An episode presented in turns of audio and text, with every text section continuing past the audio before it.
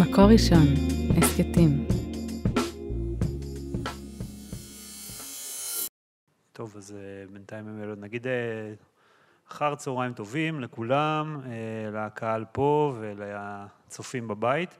אנחנו עכשיו בפאנל שלנו, הבוקר בא לעבודה, הזדמנויות של שוק התעסוקה בישראל, ואני רוצה להזמין לדברי פתיחה לפאנל הזה את תאיר איפרגן, ראש זרוע העבודה במשרד הכלכלה.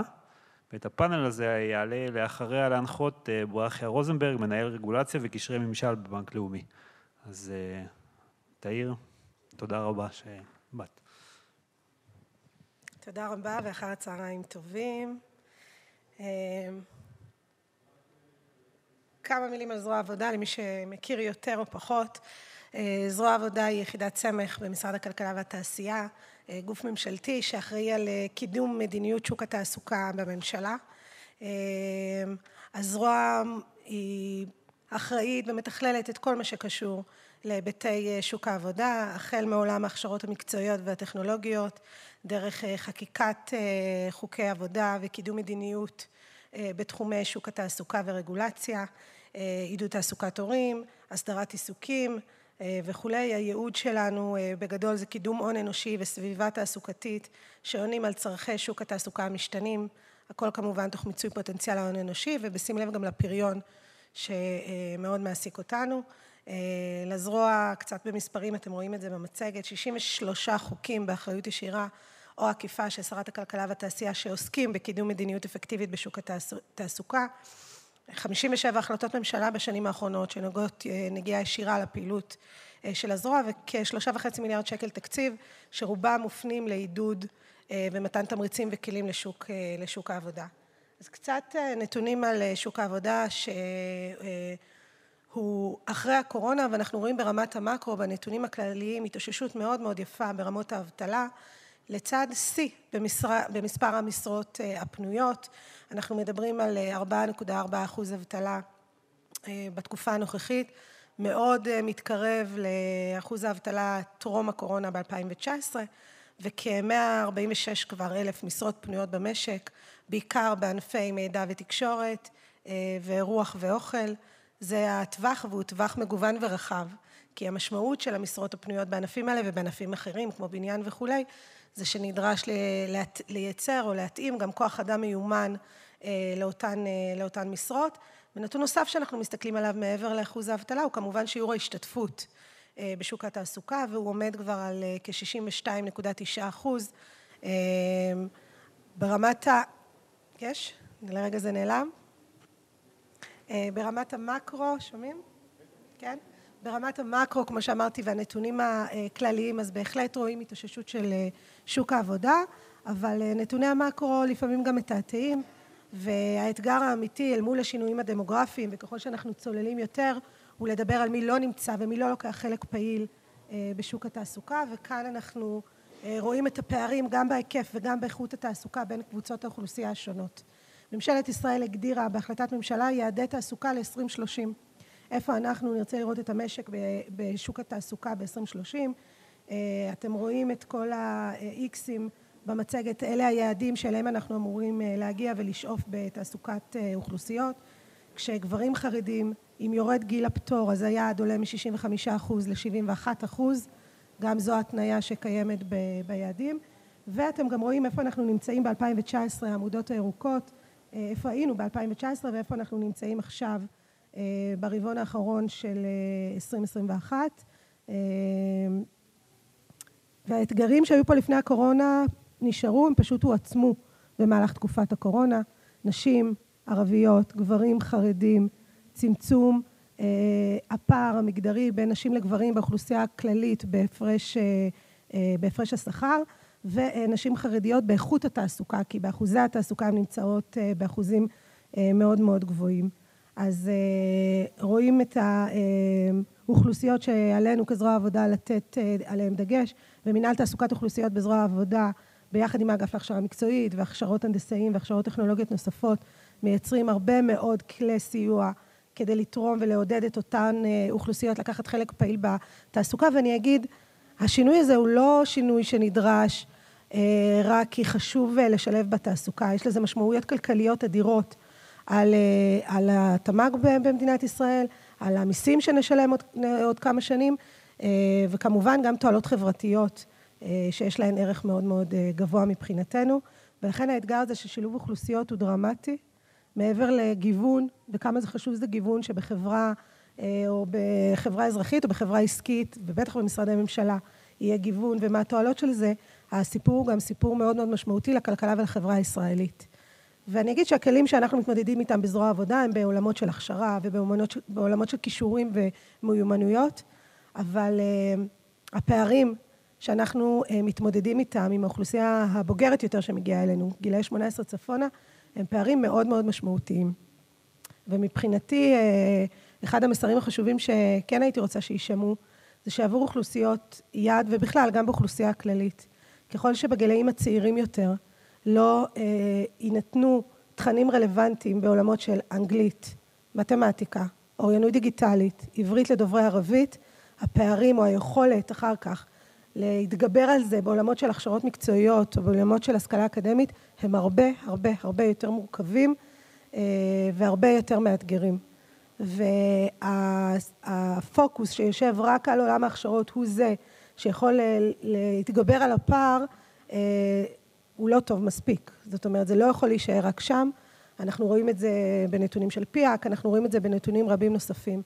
האנגלית, מתמטיקה, אוריינות דיגיטלית ועברית לדוברי ערבית בשלבים המוקדמים יותר ובגילאים הצעירים יותר היא דרמטית, כדי שאותם פרטים יוכלו להשתלב בצורה אפקטיבית בשוק העבודה, במיצוי הפוטנציאל שלהם, במשרות בפריון גבוה, במשרות בשכר גבוה, וזה אחד האתגרים המשמעותיים שכל הממשלה אני חושבת ראוי שתתמודד איתם, מעבר לפערים והיקף התעסוקה ואיכות התעסוקה שאנחנו מתמודדים איתם בזרוע. ובעצם שלושת האתגרים המרכזיים כמו שאמרתי הם פריון עבודה נמוך, אנחנו נמצאים ב-25% פחות מהממוצע ב-OECD, התוצר לשעת עבודה שלנו נמוך יותר, אחת מהסיבות יושבת על כוח אדם לא מיומן מספיק ועולם ההכשרות הופך להיות מאוד רלוונטי כדי להתאים את אותו כוח אדם לטכנולוגיות המשתנות, לעיסוקים חדשים, אוכלוסיות עם שיעור תעסוקה נמוך שדיברתי עליו מקודם, ואתגר נוסף שהואץ בתקופת הקורונה אם כי יש כאן קודם הוא שינויים בצורות העסקה. הקורונה הביאה איתה הרבה מאוד הזדמנויות וגם אתגרים סביב שינויים בצורות העסקה, אתם מכירים את זה במונחים של כלכלה שיתופית, כלכלת הפלטפורמה, מה יוצרת טכנולוגיה שאנחנו רוצים לשמר אותה והיא טובה ואולי גם מתגלגלת לעלות הצרכן מצד אחד שהיא זולה יותר אל מול מי הוא הפרט ואיך, מה בתנאים הסוציאליים שלו נשמר או נפגע ואיך צורת העסקה שלו עבורו משתנה, לצד עבודה מרחוק שגם היא מייצרת אתגר חדש לצד הזדמנות ואיך אנחנו בממשלה מגיבים לדבר הזה או יותר נכון מובילים הסדרה בתחום הזה ומייצרים שמירה ואיזון בין אינטרסים שונים בכל מה שקשור לעבודה מרחוק.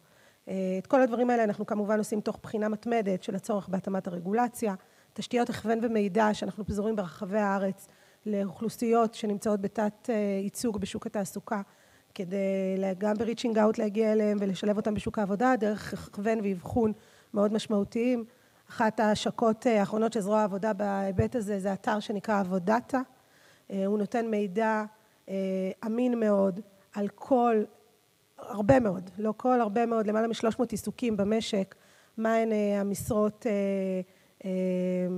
כמה מרוויחים באותה משרה, איפה אפשר ללמוד את זה, מה ההשכלה הנדרשת, כמה שעות עובדים בממוצע, אתר שיש בו הרבה מאוד מידע בתקווה שלפני שמקבלים החלטה על מה ללמוד או איפה לעבוד יהיה פה איזשהו גם תהליך של קבלת החלטות מושכלות. אם כי אנחנו יודעים שזה, אמרו את זה לפנינו לא רציונלי ולא במקרה, אז לא הכל יושב על רק הנגשת המידע ויש גם העדפות אישיות כמובן של הפרט וזה לגיטימי ומובן אבל לכל הפחות שהמידע הזה יהיה בידי הפרט לפני שהוא מקבל החלטות בשוק התעסוקה וכמובן הכשרות שדיברתי עליהן גם מקודם ככלי מאוד מאוד משמעותי שמחובר לפריון, שמחובר לשילוב אוכלוסיות.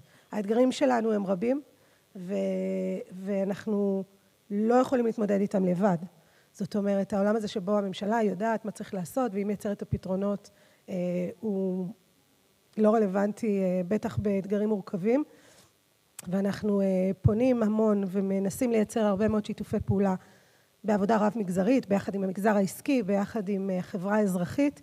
אנחנו חושבים ומאמינים שזאת הדרך היחידה להתמודד עם האתגרים שרק את הקצה שלהם הבאתי כאן בפניכם, ואנחנו גם מעדיפים להסתכל עליהם כהזדמנויות.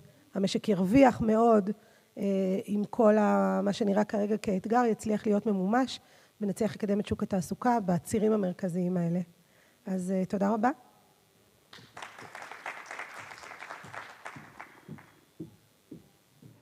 אחר הצהריים טובים וברוכים הבאים למושב על שוק התעסוקה בישראל. אני ברכיה רוזנברג, מנהל הרגולציה וקשרי ממשל של בנק לאומי. אני אנחה את הפאנל הזה. אני רוצה לנצל את ההזדמנות שאנחנו נמצאים עכשיו, אני הייתי פה מהבוקר והשתתפתי בחלק לא מבוטל של הפאנלים, צפיתי, וזה הכנס השלישי שאנחנו בנק לאומי עושה עם מקור ראשון בנושא של חברה, כלכלה וחדשנות, היה מרתק ומעניין. אני רוצה לנצל את ההזדמנות הזאת כדי להודות למקור ראשון ונקווה גם בעתיד בעזרת השם להמשיך ולעשות דברים כאלה ביחד. בפאנל שלנו אנחנו נתמקד בערכים ותעסוקה. האם אפשר וצריך לחבר עולם של ערכים אל עולם של תעסוקה? ובהקשר הזה אני רוצה להביא דברי הרמב"ם, שהרמב"ם כותב בהלכות מתנות עניים, ואני מקריא מה שכותב הרמב"ם: מעלה גדולה שאין למעלה ממנה זה המחזיק ביד ישראל שמח, כלומר שנופל כלכלית, ממציא לו מלאכה כדי לחזק את ידו עד שלא יצטרך לבריות לשאול. ועל זה נאמר בספר ויקרא והחזקת בו גר ותושב וחי עמך, כלומר החזק בו עד שלא ייפול ויצטרך. הרמב"ם במקור שציטטתי מדבר בעצם על המעלה הגדולה ביותר של מצוות הצדקה, שזה בעצם מציאת עבודה, וצריך לדייק מציאת עבודה לאדם. וצריך לדייק בדברי הרמב"ם שני דברים. האחד, הדבר הראשון זה שככל שהבן אדם נמצא מה שאנחנו מכנים בשפה שלנו בתת ייצוג, כלומר הסיכוי שלו למצוא עבודה הוא יותר קטן, ככה המצווה לעזור לו גדולה יותר.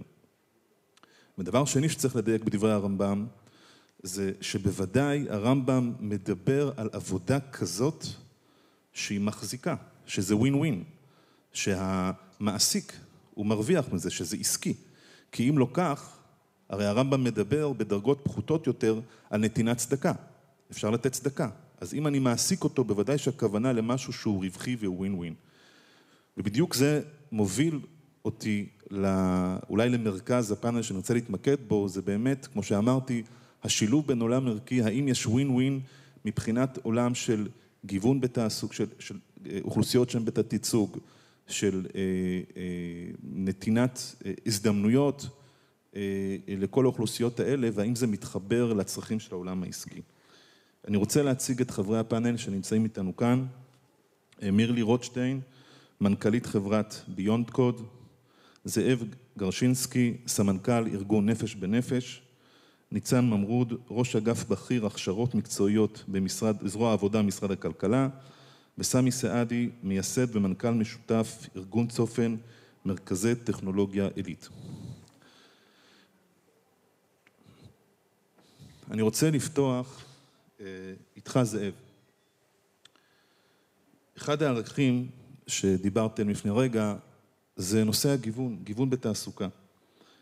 ואני רואה, שומע על המפעל המדהים שלכם בארגון נפש בנפש, שמקדם את הערך הגדול של ערך קליטת עלייה, ואין ספק שהמרכיב האחד החשובים ביותר זה כשאתה מביא לפה משפחה, אתה צריך למצוא להם תעסוקה, אחרת לא עשינו כלום.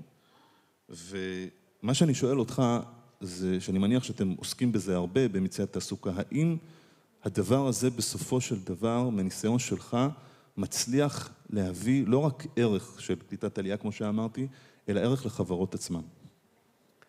טוב, אז קודם כל, אה, אחר הצהריים טובים, ושוב תודה על ההזמנה. אה, אני רוצה להתחיל ב, באמת אה, בשאלה הערכית שנגעת בה.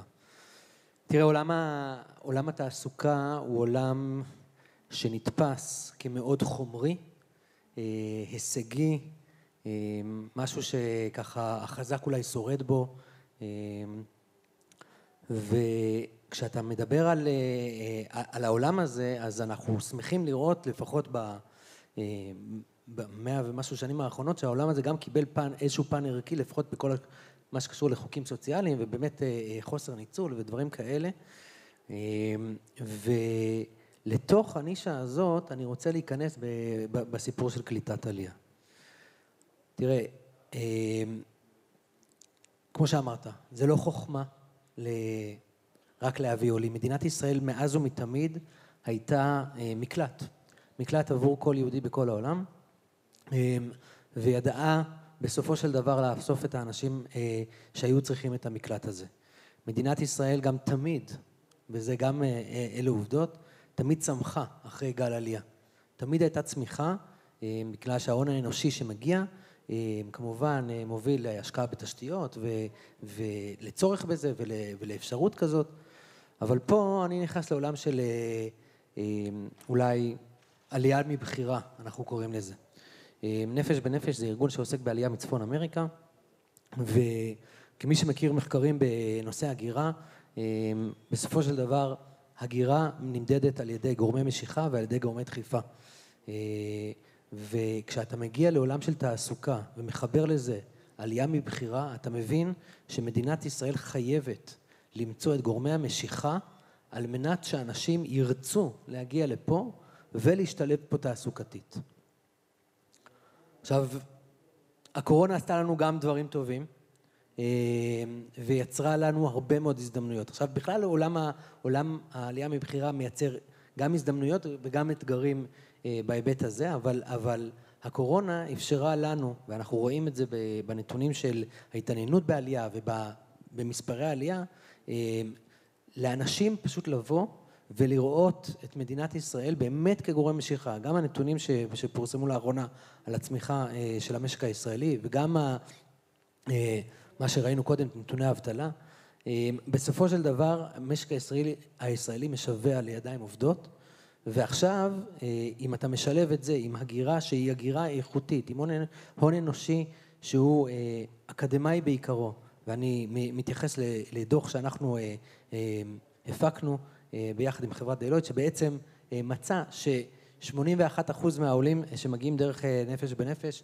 מוצאים תעסוקה בשנה הראשונה. למה?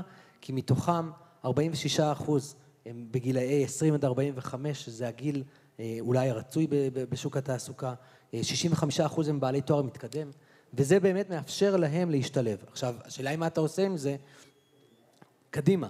זאת אומרת, האם אתה מבין שאתה יכול לגייס את המשק לטובת הסיפור של קליטת עלייה, ושוב להכניס עוד ערך ציוני, כמו שאמרת, של קליטת עלייה, ואת האפשרות אה, בעצם אולי לשלב אנשים שאולי לפעמים יותר קשה להם בעולם הזה. פה נדרשת התגייסות. ההתגייסות צריכה להיות גם של המגזר הפרטי וגם של המגזר הציבורי בעיניי. המגזר הפרטי ופה אני יודע ש... אה, או אני יכול לדווח שאנחנו עושים פה מאמץ מאוד גדול אה, ואנחנו בקשר עם 5,000 חברות אה, במשק כדי שייתנו לנו את, את הצרכים שלהם ואנחנו בלוחות הדרוש, הדרושים של הארגון יודעים לתת 100, 200, 300 משרות כל חודש לטובת העולים ועוד מאות השמות בשנה. אבל אני חושב שגם המגזר, המגזר הציבורי חייב לתת את שלו ברמה של הכשרות, אה, והכוונה של אנשים לעולמות שבהם יש דרישה מאוד גדולה של אה, ידיים עובדות. אנחנו עובדים היום אה, עם חברות מסוימות על הכשרות של עולים להייטק, אבל בסופו של דבר עולים מצפון אמריקה הם לא מתכנתים. הם לא מגיעים בתחומים הטכנולוגיים, זה לא האופי שלהם. יש להם איכויות אחרות.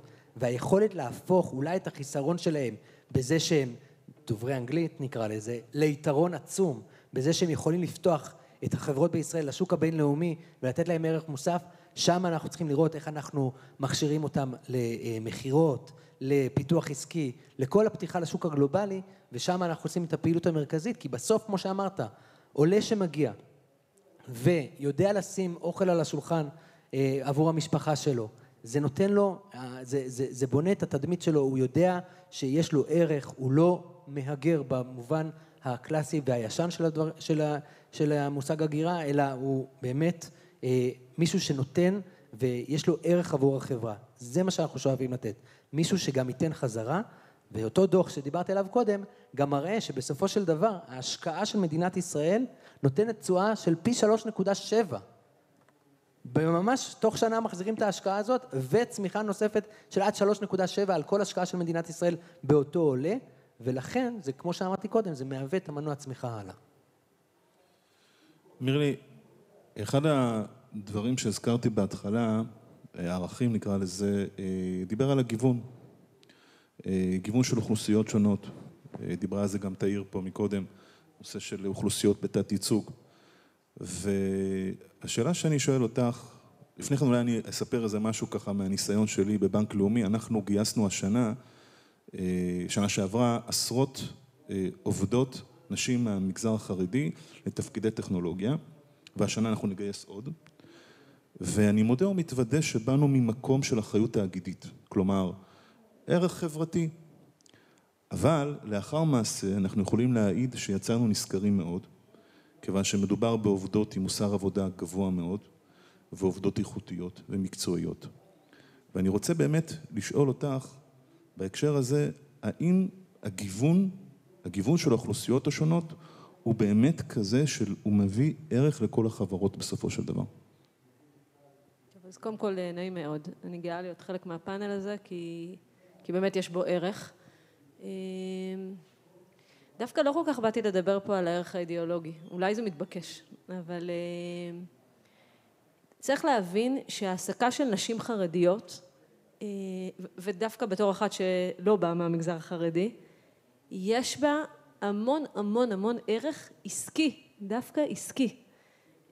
אני עושה את זה כבר 12 שנים. היו לי המון המון המון עובדות לאורך השנים, כולן מפתחות תוכנה, אה, שלמדו, הן אינן בוגרות תוארים ברוב המקרים, אה, הן למדו, הן הנדסיות תוכנה, הן מסיימות את המסלול שלהן ובעצם אה, משתלבות בתעשייה. אתם צריכים להבין מה זה מפתחת חרדית או בחורה חרדית שאין לה מושג קלוש בעולם החילוני, יושבת ליד מפתח חילוני שאין לו מושג קלוש בעולם הכי לא החרדי, הם יושבים ביחד, עושים עבודה נפלאה, מקצועית ויצירתית, ו- ומניבים תוצרים שהן אינם דווקא עכשיו קירוב תרבויות, שזה לא, זה לא העניין שעומד מאחורה. מה שבאתי להגיד זה שהערך העסקי של שילוב נשים חרדיות בשוק כל כך טכנולוגי, ויסלחו לי, גם מאוד מאוד חילוני, כלומר אנחנו בדרך כלל, אתם, אתם יודעים, כאילו בסוף אנחנו, אה, חברות ההייטק, אחרי מי הם רודפים, תסתכלו במערכונים של ארץ הנהדרת, נכון? הם עוצרים בטרמפיאדות, בוגרי 8200, אה, לא יודעת, אה, כאילו, בדרך כלל זה הבחור עם הגלשן, נכון? התל אביבי, הוא הטיפוסי. אה, העובדות שלי הן רחוקות מזה שנות דור. הן בדרך כלל משפחות מרובות ילדים, הן בדרך כלל המפרנסות היחידות בבית, ואתם מכירים את כל הסטיגמות. האמת, לא סטיגמות, במקרה הזה זה באמת אמיתי. והערך שהם מביאים הוא בדיוק הערך של היציאה מהרגיל, היציאה מהקופסה, החשיבה היצירתית, האחרת, בדיוק כי הם לא גדלו באותו בית גידול ש, שגדלו הבוגרי 8200. השילוב הזה ביחד, תקשיבו, זה, זה מטורף. אני סיפרתי לך בטלפון, היה לאחרונה, זה היה לפני כבר, לא זוכרת מתי היה מצעד הגאווה, והעובדות שלי היו אה, חלק, אה, הן הולכות ללקוח אה, להיות, כאילו, הן יושבות שם, בקיצור. והיו דגלים של מצעד הגאווה, והעובדות שלי, הן לא יודעות מה זה בכלל. כלומר, הם אמרו לי, אמא, אה, אמא, אה, בכובע השני שאני גם אימא לארבע בנות, אז בתכל'ס זה דווקא מסתדר, זה שיש לי רק עובדות נשים. אז הן אומרות לי, מירלי, תראי איך יפה קישטו את המשרד. אין להם אפילו, לא היה להם מושג שכאילו מדובר ב... ו, אבל, אבל זה מהמם בעיניי, זה מקסים. הערך העסקי של הדבר הזה הוא... הוא באמת לא יסולא בפאז, קשה לי כאילו לזה, ודווקא אני שמחה על החברים שלי בפאנל, כי אני בטוחה שגם העסקת אה, עובדים מהמגזר הערבי, יש לי הרבה קשר אליהם, זה יציאה מהקופסה. צריך להבין, כשאתה מגייס אנשים שהם לא בדיוק בדלת אמותיך, הם לא גדלו באותה חממה, הם לא גדלו באותו בית גידול, הם באים עם חשיבה אחרת, והערך של החשיבה היצירתית, ובמיוחד לחברות הטכנולוגיות שאיתם, זה, זה בסוף הלקוחות שלי, הוא מטורף. סמי, אה, מירלי דיברה על הגיוון ועל התרומה שיש בגיוון. זה... ועל הערך, על השונות שמביאה ערך. זה הזכיר לי שלפני אה, כמה שנים מנכ"ל הבנק לאומי הטיל על איזשהו, איזשהו פרויקט, אז לכמה מנהלים, אני, אה,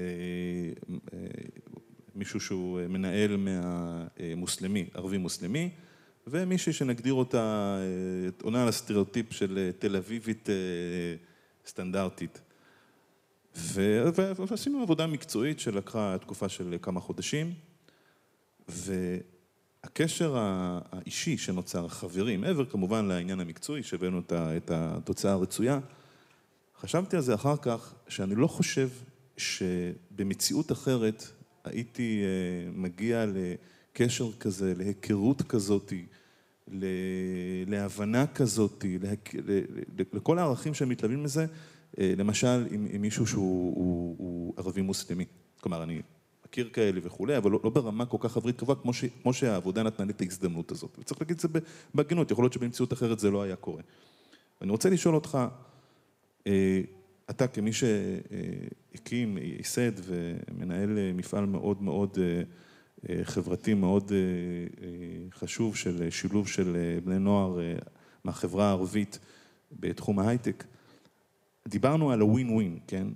אתה רואה גם ערכים באמת שהם מעבר לווין ווין, ערכים שהם אפילו נגיד ברמת המדינה, ברמת החברה בישראל?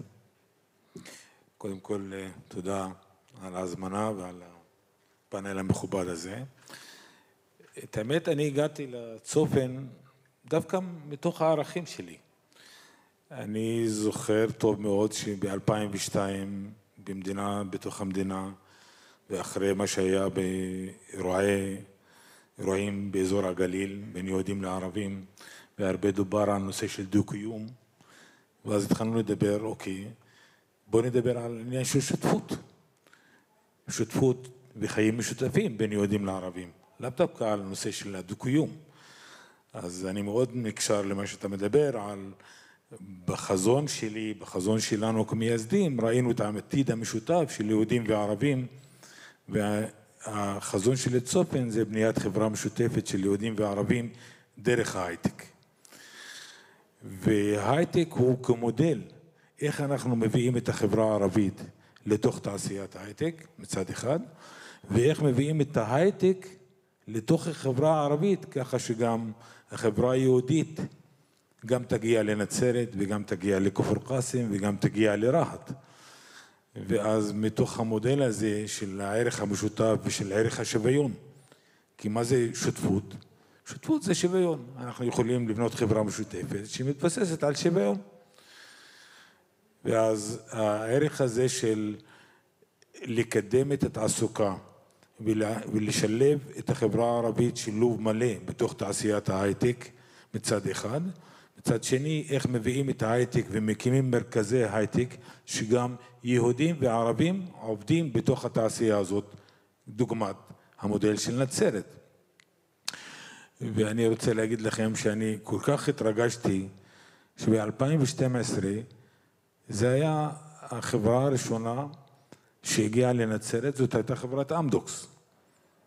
ואנחנו אמרנו, אם אמדוקס יכולה להקים את הסניף שלה בשדרות ולפעול בשדרות, אז אמדוקס יכולה גם לפעול בנצרת.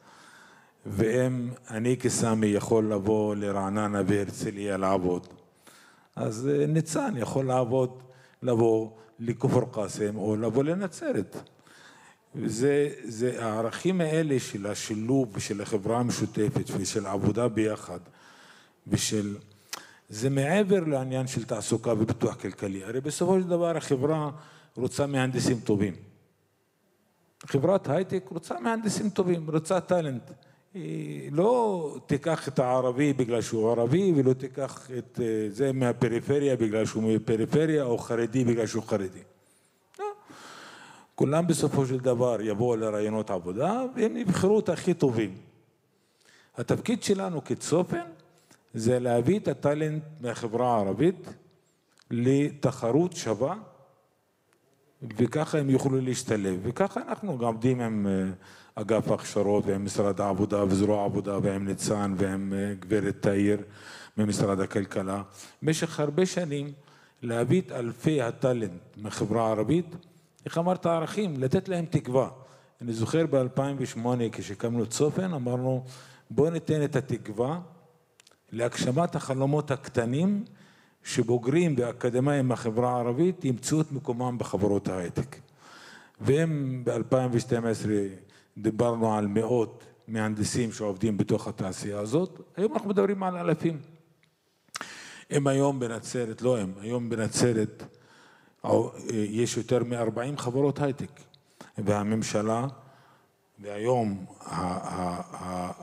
העבודה המשותפת בין ארגוני חברה אזרחית כמו צופן, שאנחנו מלכ"ר, אנחנו לא למטרות רווח, עם הממשלה ועם חברות ההייטק, בשביל באמת להקים את התעשייה הזאת בתוך החברה הערבית. וזה אחד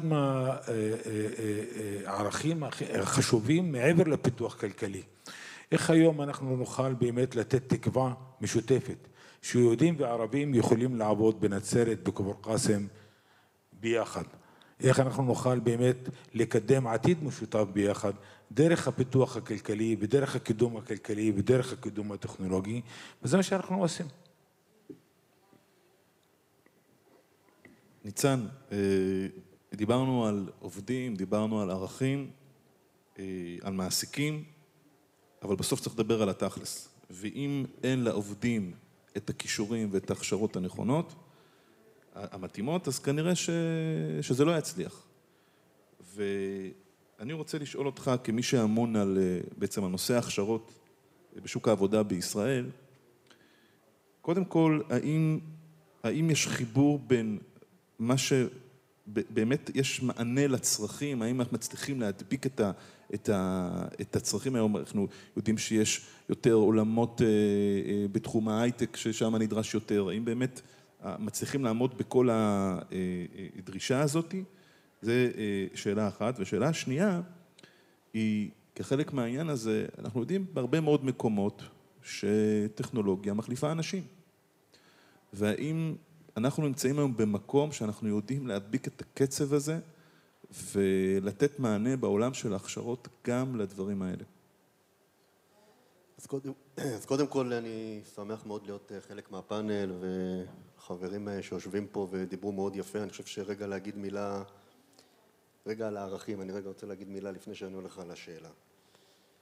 ואני מאוד מתחבר למה שאמרת על סיפור הרמב"ם. אני חושב שאחד ה... אני באתי לתפקיד הזה מתוך, באמת באמת, מתוך שליחות וזכות ולא כסיסמה. הייתי 28 שנה בצבא, ואני חושב שאחד הדברים, וזו זכות ענקית, שהאגף להכשרה מקצועית, או התפקיד הזה שאנחנו עושים, לתת לבן אדם הכשרה ותעסוקה. כי כשבן אדם יש לו תעסוקה, אז הוא מצליח לבנות סביב, סביב אותו הדבר את כל מעגל החיים שלו. ממשפחה וקריירה ו- וילדים ו- וכדומה, ואני חושב שזו זכות באמת באמת גדולה. אחד הדברים הגדולים שאנחנו עושים בשנה האחרונה, בתפקיד שאני נמצא בו היום, זה למעשה לעשות רפורמה בכל ההכשרות המקצועיות שמתחבר לשאלה שלך.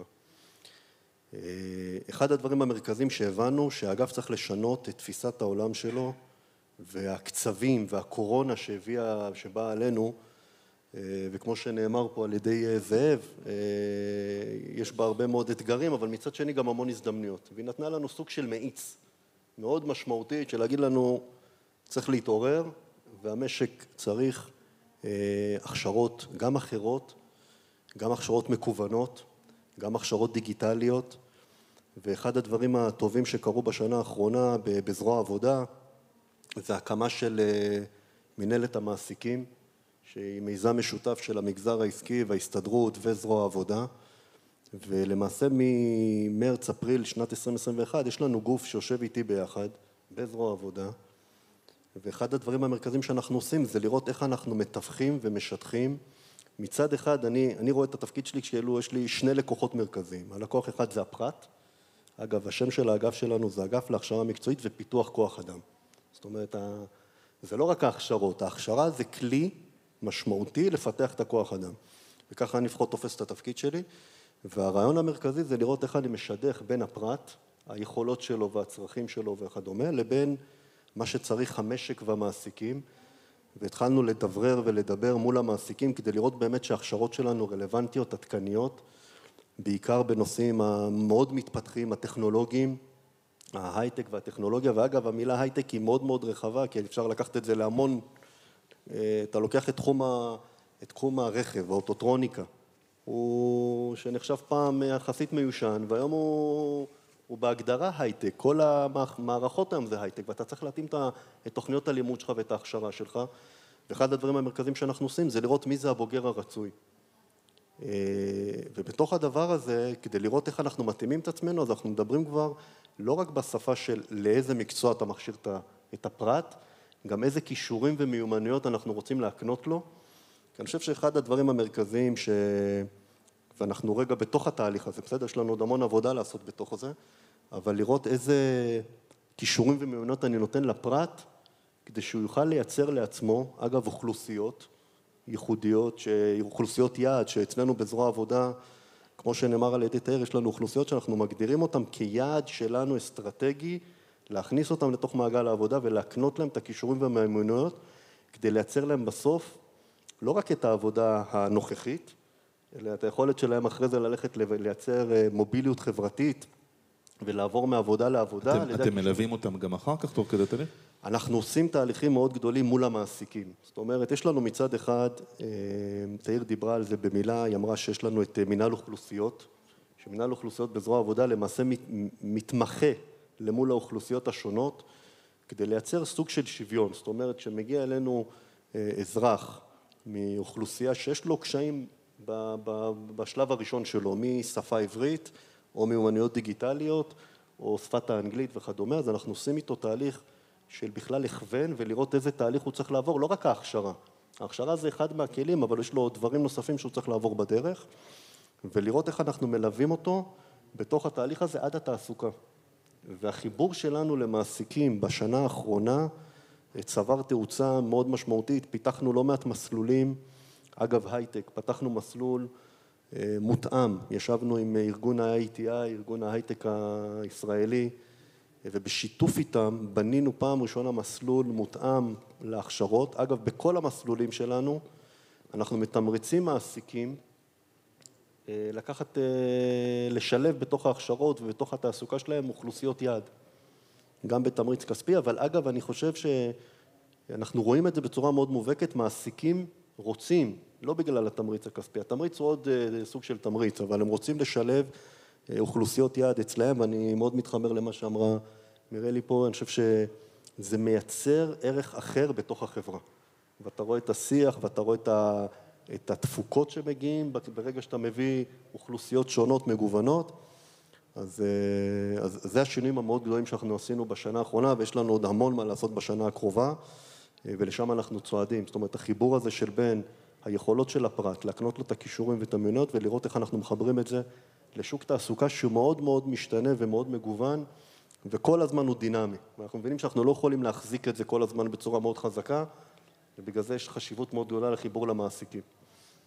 סמי, אה, אתה יודע, בנתונים של הדוח האחריות האגדית האחרון של בנק לאומי, מופיע ש-25% ממנהלי הסניפים בבנק הם בני החברה הערבית. והדבר הזה הוא לא בגלל שהייתה שם איזושהי אפליה מתקנת, אלא פשוט היו טובים. היו טובים, כל, כל אחד במקום שלו, ומינו אותם למנהלי סניפים. אני רוצה לשאול אותך, דווקא לאור מה שאתה עושה ומה שאתה פועל, הדברים המדהימים ש... שאתה עושה, אתה חושב שיש מקום היום למה שנקרא, כביכול אפליה מתקנת, או יותר נכון בשירות הציבורי זה נקרא תקנים, כן, תקנים, והיום עושים, היום יש חוק לדבר הזה, ומדברים על הרחבת החוק הזה, ולהכניס לשם אוכלוסיות נוספות שהן בתת ייצוג. אתה חושב שזה נכון, ואני לא מדבר ברמה החברתית, הערך החברתי הוא ברור, ברמה העסקית, בראייה של שוק התעסוקה והפריון, אתה חושב שזה דבר שהוא נכון? אני אומר את עמדתי האישית, אני, המושג הזה, אפליה מתקנת, עושה לי רע בגוף. אני חושב אחרי 70 שנה, אני כאזרח ערבי במדינת ישראל, צריך לדבר על שוויון. אני לא צריך להיות תוכנית מיוחדת, אני לא צריך מסלול מיוחד. אני חושב שכמו בכל משרד ממשלתי וכמו בכל אה, חברה עסקית, אם זה בנק ואם זה חברת פיתוח ואם זה חברה תעשייתית, צריך להתייחס לחברה הערבית כחלק בלתי נפרד ולעשות את התוכניות במשותף. אני חושב שמה שאנחנו עושים בצופן, אנחנו נותנים הזדמנות שווה. זה הדבר הכי פשוט. אנחנו עושים דברים פשוטים. אז, אז יש הזדמנות שווה לחברה החרדית, החרדית ולחברה הערבית לדעת? אני חושב שהיום אנחנו, מה שאנחנו עושים בצופן, אנחנו מייצרים עם הזרועות, זרוע העבודה או משרדי הממשלה השונים, אם זה משרד הכלכלה ואם זה משרד העבודה ואם זה הרשות לחדשנות. אני מדבר על הנושא של ההייטק. אנחנו מייצרים את ההזדמנות השווה, וכמובן זה תהליכים, זה לא החלטה. זה לא לבוא ולהחליט עכשיו אה, בוא שיהיה עשרים אלף מהנדסים ערבים בתוך תעשיית ההייטק.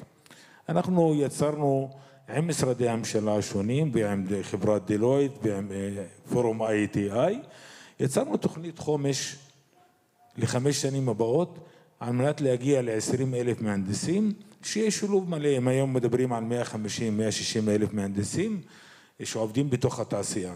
סך הכל היום מועסקים בתוך תעשיית ההייטק כ-320 אלף מועסקים בתוך התעשייה, ביניהם כ-150-160 אלף מהנדסי פיתוח.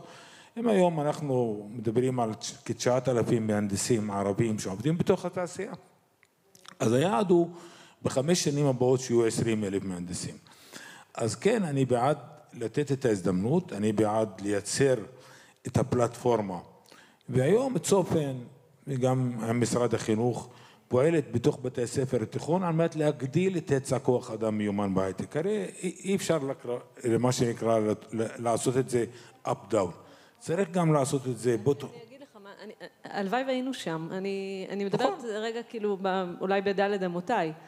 בסוף אנחנו יושבים פה בפאנל שמדבר גיוון. למה אנחנו יושבים בפאנל שמדבר גיוון? למה, למה חרדיות לא יכולות להיות לא אגיד כאחד האדם, אולי לא נשמע טוב, אבל למה הן לא יכולות לשלוח קורות חיים ושיתייחסו להם? אני, אני, אני לא יודעת איך החוויה שלך, ובחוויה שלי, ואני באמת, אני עושה את זה הרבה שנים, אני שומעת את המשפט של מירלי, סבבה, יש לנו שלוש חרדיות בצוות, זה הקפסיטי שלנו. אנחנו לא עכשיו, ואני מדברת איתך על חברות גדולות שמדברות, שאני שומעת את המשפטים האלה המון. את לא מצפה שעכשיו אה, חברת מוצר, חברת הייטק תל אביבית מגניבה, אה, תמנה בין שורותיה רק מפתחות חרדיות. ומה את רוצה, מירלי, ומה את אומרת למנכ"לי חברות כאלה? מה, אם היית יכולה לדבר איתם, מה היית אומרת להם? שזה בכלל לא אמור להיות רלוונטי להם מה הבנות האלה עושות בשעות אחרי הצהריים, או כמה ילדות הן מגדלות. זה לא רלוונטי. סיפרתי לך את זה בטלפון, היה לי מקרה השבוע שממש אה, ממש הזדעקתי ממנו. התקשר אחד הלקוחות להגיד, תקשיבי, אחת העובדות שלך מקצועית, אני מאוד מרוצה ממנה, באמת. אבל מה, ברגע שהתחלנו לדבר אה, מה היא עושה ביום יום שלה, והבנתי שיש לה שמונה ילדים, והיא המפרנסת היחידה בבית, ובעלה לומד תורה, הזדעזעתי. אמרתי, למה הזדעזעת? מה אכפת לך? מה, מה זה משנה? אתה מבין? אז, אז, אז בעצם, אה, כאילו, אה, אתה חי את זה, ואתה גם בא מהמגזר הזה, אז עוד בכלל.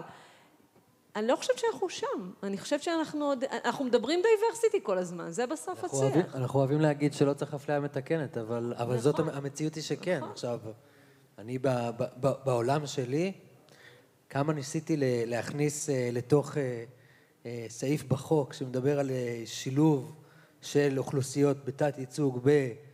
אפילו במגזר הציבורי, את המושג עולים חדשים, זה לא קיים, כי, כי לא, כי כי שוב, כי לא, לא רואים בזה משהו כתת ייצוג או נכנסים לכל השאלות המשפטיות האלה של איך מגדירים, אבל, אבל כן, אין מה לעשות, כרגע אנחנו נמצאים בעולם, ש, אה, עולם תעסוקתי, של...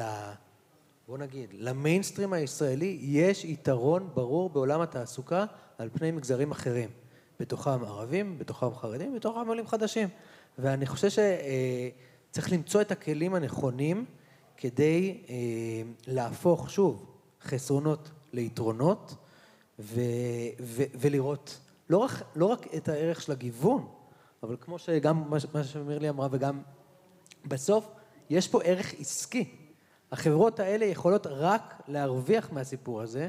אה, אה, אה, המגזר הציבורי יכול להרוויח מייצוג אחר, והמדינה כמדינה, שוב, יכולה לראות ערך כלכלי אמיתי, בטח ובטח, אני, אני, אני שוב מכניס את הסיפור של העולים החדשים, שבאמת יכולים לתת אולי את הפן הזה ואת הצמיחה הנדרשת. עכשיו, אני חושב שיותר מזה, אפשר גם להסתכל על הציבורים האלה, ואני דווקא מסתכל על כל הציבורים האלה, ואני אומר, הם יכולים להוות מענה לצרכים לאומיים. אה, ממש, אה, דיברנו על המחסור במהנדסים, אז זה נתיב אחד. המחסור בכוח אדם רפואי, הקורונה לימדה אותנו שיש מחסור אדיר. אני יודע שבחודש הבא, בכנס רפואי שאני עושה בניו יורק, יגיעו 118 רופאים לכנס. אתם יודעים מה זה 118 רופאים שיעלו למדינת ישראל וישתלבו בכוח העבודה? ראינו קצת בקורונה מה זה. מטורף. זה, זה, זה, זה, זה משהו מטורף, אבל צריך השקעה בזה. מדינת ישראל חייבת לקבל, לקבל החלטה שהיא גם משקיעה בסיפור הזה. כי בסוף אני, היא מרוויחה.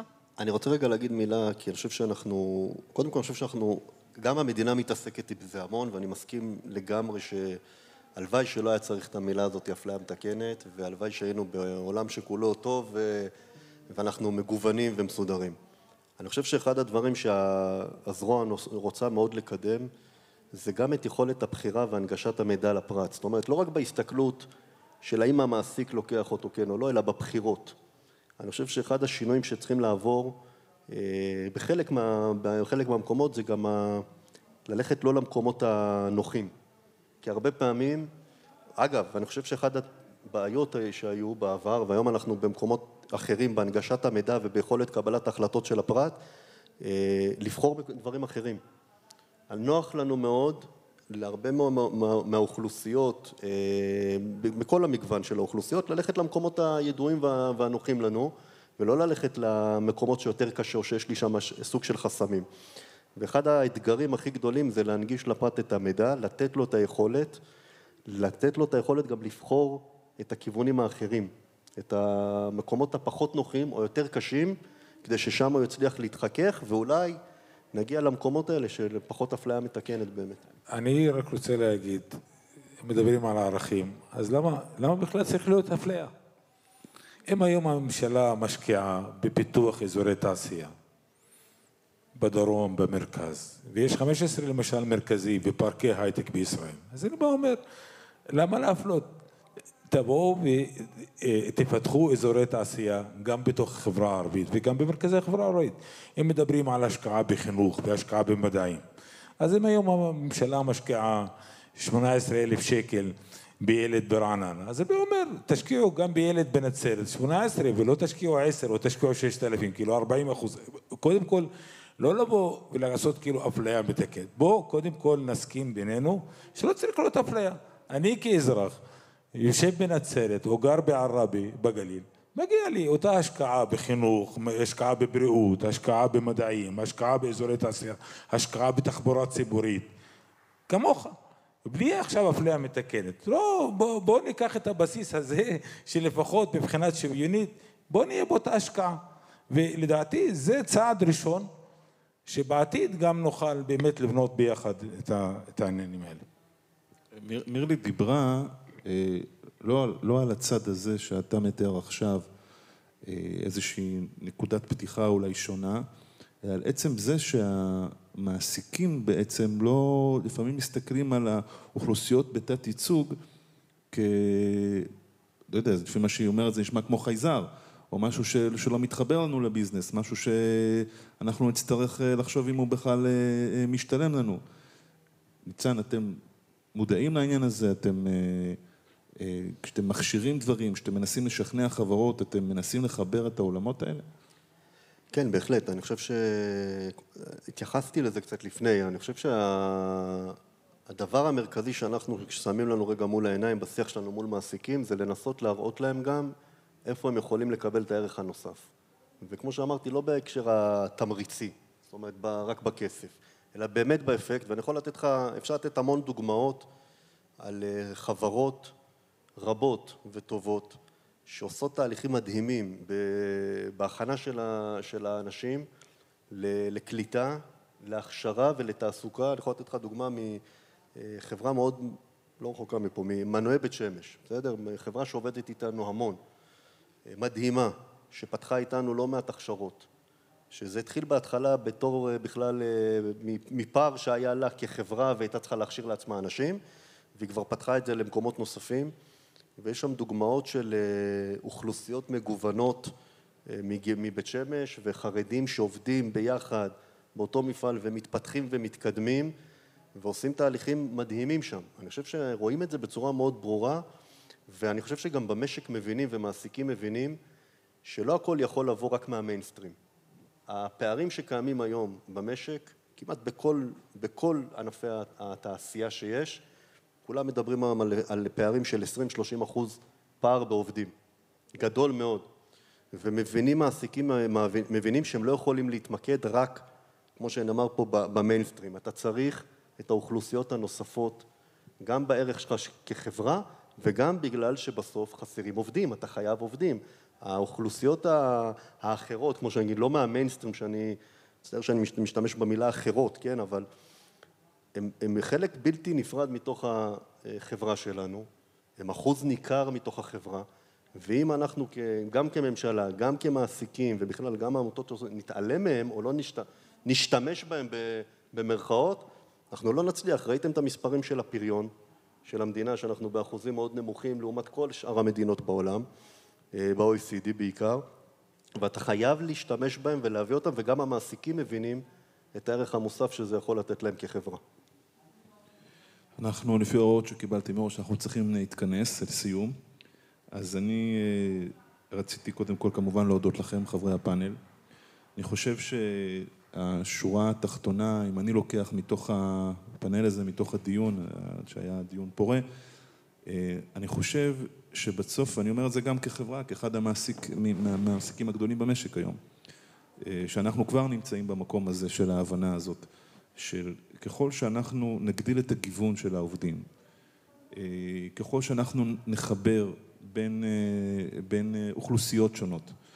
א', אנחנו נצא נשכרים, אה, נשכרים בראש ובראשונה בצד העסקי וגם בצד החברתי, כי בסוף כשאנחנו יכולים להכניס ערכים שבסוף הופכים את החברה שלנו לחברה שהיא הרבה יותר מאוחדת, הרבה יותר קרובה, הרבה יותר מבינה אחד את השני. לא מדובר, ואני מדגיש ואני אומר את זה בהקשר של מה שנאמר כאן, לא לשנות דעות של אנשים, לא לשנות אורחות חיים של אנשים, להפך, להכיר אותם, לכבד אותם, וביחד להביא ערך, ערך שהוא מוכח לכל חברה במשק וגם כמובן למדינה עצמה. אז תודה רבה לכולכם, תודה רבה למאזינים, לצופים בבית, לקהל, תודה רבה.